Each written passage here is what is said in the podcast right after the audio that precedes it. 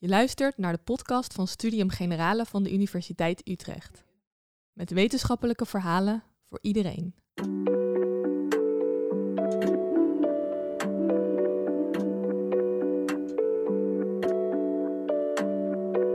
Je luistert naar het Ezelsoor. Korte interviews met filosofen en denkers over hun favoriete passage. Zinnen die ze met een dikke stift onderstreept hebben en waar ze telkens weer naar terugkeren voor inspiratie.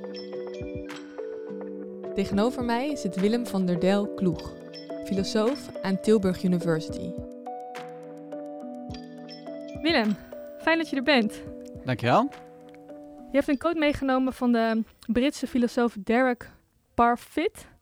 Ehm, kun je iets meer vertellen over wie hij was? Of is? Sorry, hij leeft nog. Nee, Derek Parfit is in 2017 overleden. Oh, echt? Ja. Oh, excuses. Nou, dan toch was inderdaad.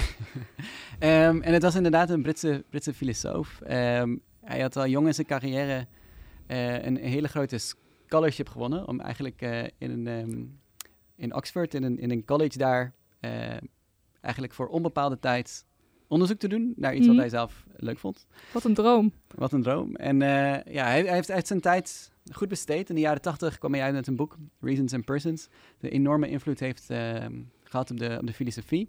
En met name in het denken over ja, toekomstige generaties bijvoorbeeld. Hij, hij is bekend geworden om een van de dingen die heet het non-identity pro- problem. Namelijk, ja, we willen graag goeie- een goede wereld overlaten aan, aan toekomstige generaties. Mhm. Maar die bestaan eigenlijk nog niet. Dus dan kan je wel plichten hebben aan mensen die helemaal nog, nog niet bestaan. En is het eigenlijk Mhm. iets, iets goeds om een nieuw persoon te creëren?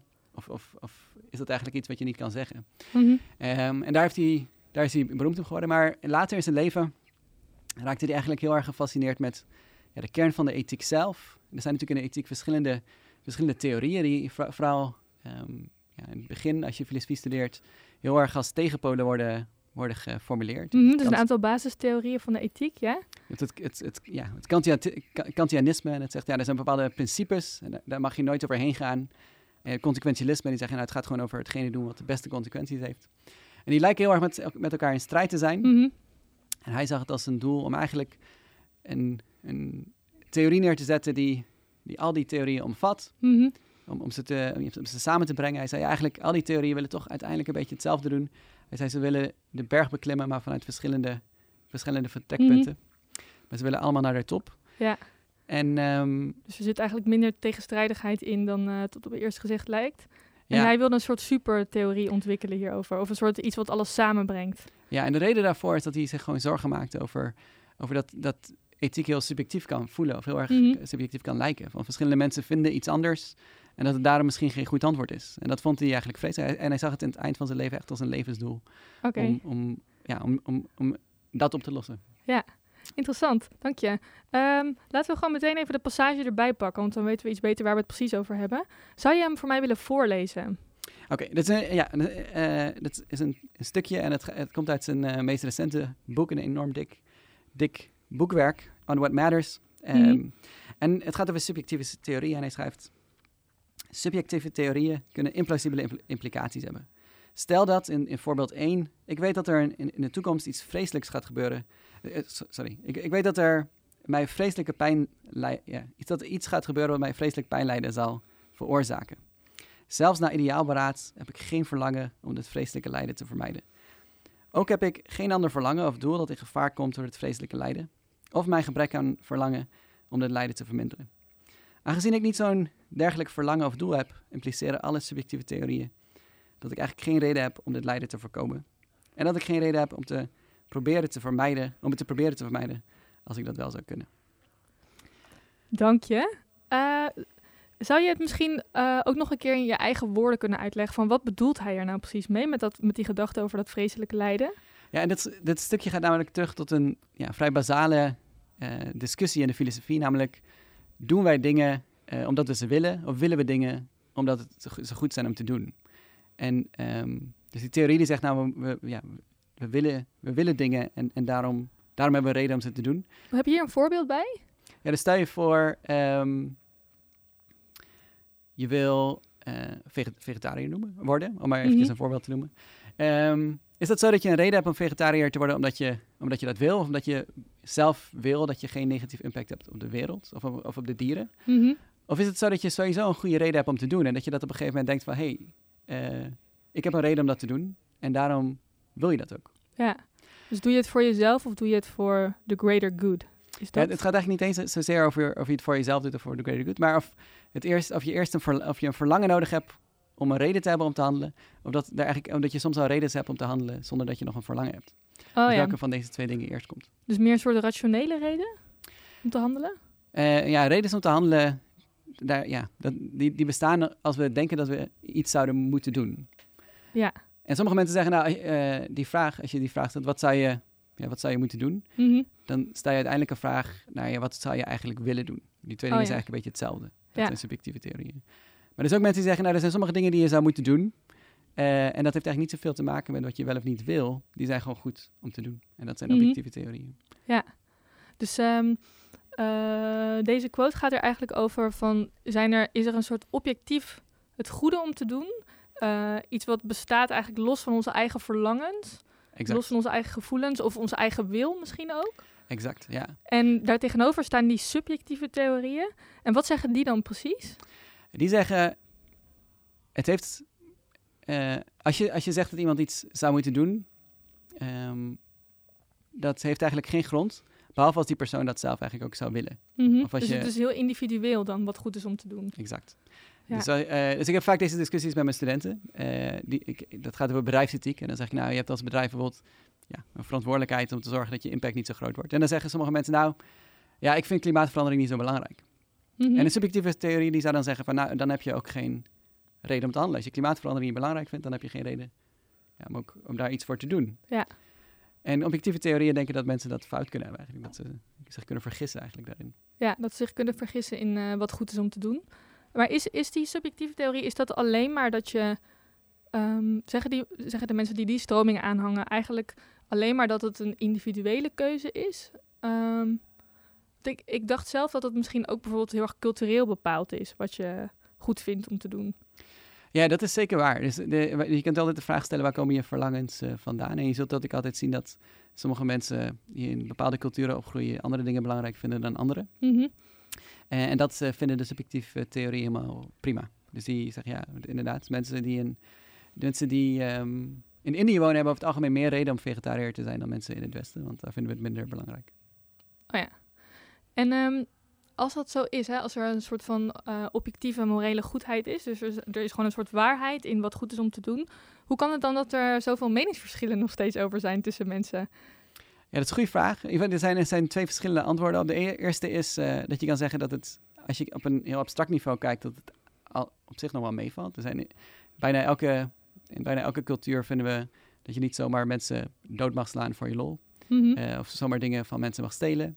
En, eh, en we denken we allemaal dat je ja, op een bepaald basisniveau respect moet hebben voor andere individuen.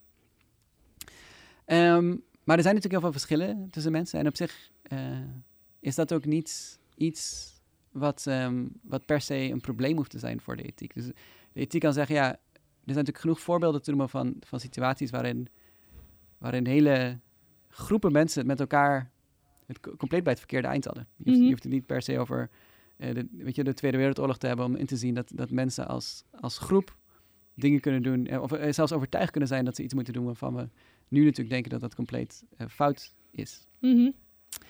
Ehm, en dat, er jij zijn dus twee eigenlijk- verschillende vragen. De eerste vraag is, ja, wa- wat zou je moeten doen? En, en de vraag is wel, wat, wi- wat willen eigenlijk mensen dat, dat we moeten doen? En, en een objectivist zou zeggen, ja, die twee dingen hoeven helemaal niet met elkaar ehm, ja, hetzelfde te zijn. Ja, want je moet er gewoon achter komen wat het goede is om te doen. Eh, en als je dat weet, dan is dat het goede. En dan hoef je ook niet meer erover van mening te verschillen met elkaar.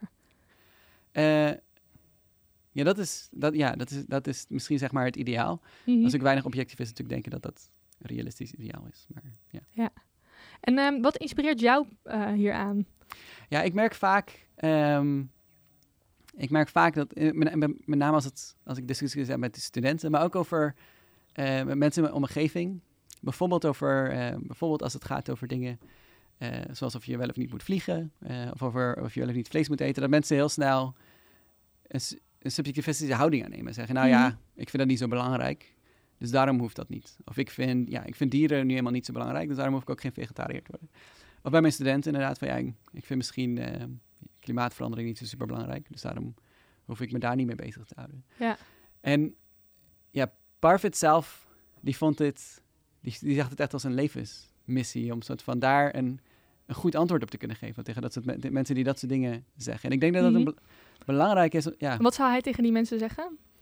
Ja, hij zou komen met dit soort voorbeelden en zeggen, nou uiteindelijk, en, dat is ook een beetje natuurlijk, dat is een beetje de context natuurlijk van, van dit voorbeeldje. En dit voorbeeldje was natuurlijk, was natuurlijk vrij extreem. Maar hij zou zeggen, ja, het is echt eigenlijk, als je er goed over nadenkt, niet echt een houdbare, niet echt een houdbare theorie. Want hij gebruikt daar die term van dat eh, lijden voor. En hij zegt dus eigenlijk, stel je een situatie voor waarin je, eh het is tenminste hoe ik het begreep, eh, waarin, je waarin er on- onverdraaglijk lijden eigenlijk op je afkomt.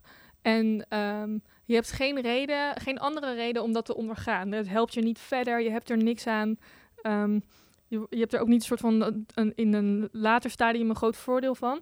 En hoe ik het las was dat hij eigenlijk zegt, eh, dan heb je gewoon een gegronde reden om, geen, om niet te willen lijden. En dat is een soort van objectief, dat is in alle gevallen waar. En Nou- kunnen we daar dan uit concluderen dat er dus een soort objectieve morele waarheid Nou, bestaat? Hoe jij het eigenlijk bedoelt is, eh, denk ik, is, wel, is dat hij zou zeggen, nou, het is eigenlijk, als je in zo'n situatie bevindt en als we de subjectivist zouden geloven en je ziet vreselijk lijden op je afkomen, maar je vindt het eigenlijk niet zo belangrijk, Mhm. dan zou je, dan zou, dan heeft een subjectivist op dat moment eigenlijk, ja, die kan alleen maar zeggen van, nou, dan heb je niet zo'n, dan heb je eigenlijk geen reden om dat te vermijden.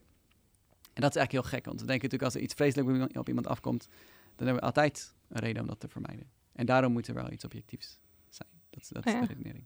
Ja. En ehm, ja, en dit lijkt een heel erg gek voorbeeld, maar het is wel zo dat, ehm, ik heb op, ge- op een gegeven moment wat onderzoek gedaan naar mensen met dep- depressies en, en, en met name in vrij extreme vormen van depressie Mhm. kan het wel daadwerkelijk voorkomen dat mensen zelfs het van het verlangen om beter worden, een beetje te kunnen verliezen, weet je wel. Dat ze gewoon nergens meer omgeven, niks meer belangrijk vinden, zelfs dat niet meer. Mhm. En in zulke situaties kan je natuurlijk vragen van, ja, moet je, heeft, heeft het dan nog, ja, moeten we dan nog, is het, is, zou het dan nog beter zijn als die persoon beter wordt? En het lijkt erop dat je? subjectivist dan wel moet zeggen van, nou, een subject, ja, nee, dan niet. En, maar, maar, en, maar, dat, en dat, maar dat, geloof ik, dat geloof ik dus echt niet. Ik, ik geloof dat, ja, als je depressief bent, dan is het altijd beter als je, Als je beter daaruit kan komen. Exact, ja. En, dat, en dat, dat is eigenlijk de lijn die ik steeds terughoor in wat je zegt. Dus dat je zegt dat er, dat er toch op een of andere manier iets, iets is, iets bestaat, eh, waaruit je kan afleiden wat het goede is om te doen. Ehm, en dat dat een objectief iets is. Ehm, en dat je kan zeggen dat je dat niet belangrijk vindt en dat dat daarom voor jou niet geldt. Maar dat dat dus eigenlijk, wil jij daar korte metten mee maken? Exact. Ja. En wil je eigenlijk, en wat zou je dan in één zin, waar zou je mensen dan eigenlijk echt van willen overtuigen? Ja, ik zou mensen eh, er echt van willen overtuigen dat simpelweg zeggen: ik vind het niet zo belangrijk, dat dat eh, alleen nog maar het begin is van een onderzoek. Eigenlijk. Dat het alleen nog maar het begin is van de vraag van ja, wat, wat zou je moeten doen en niet het einde. Ja, dankjewel.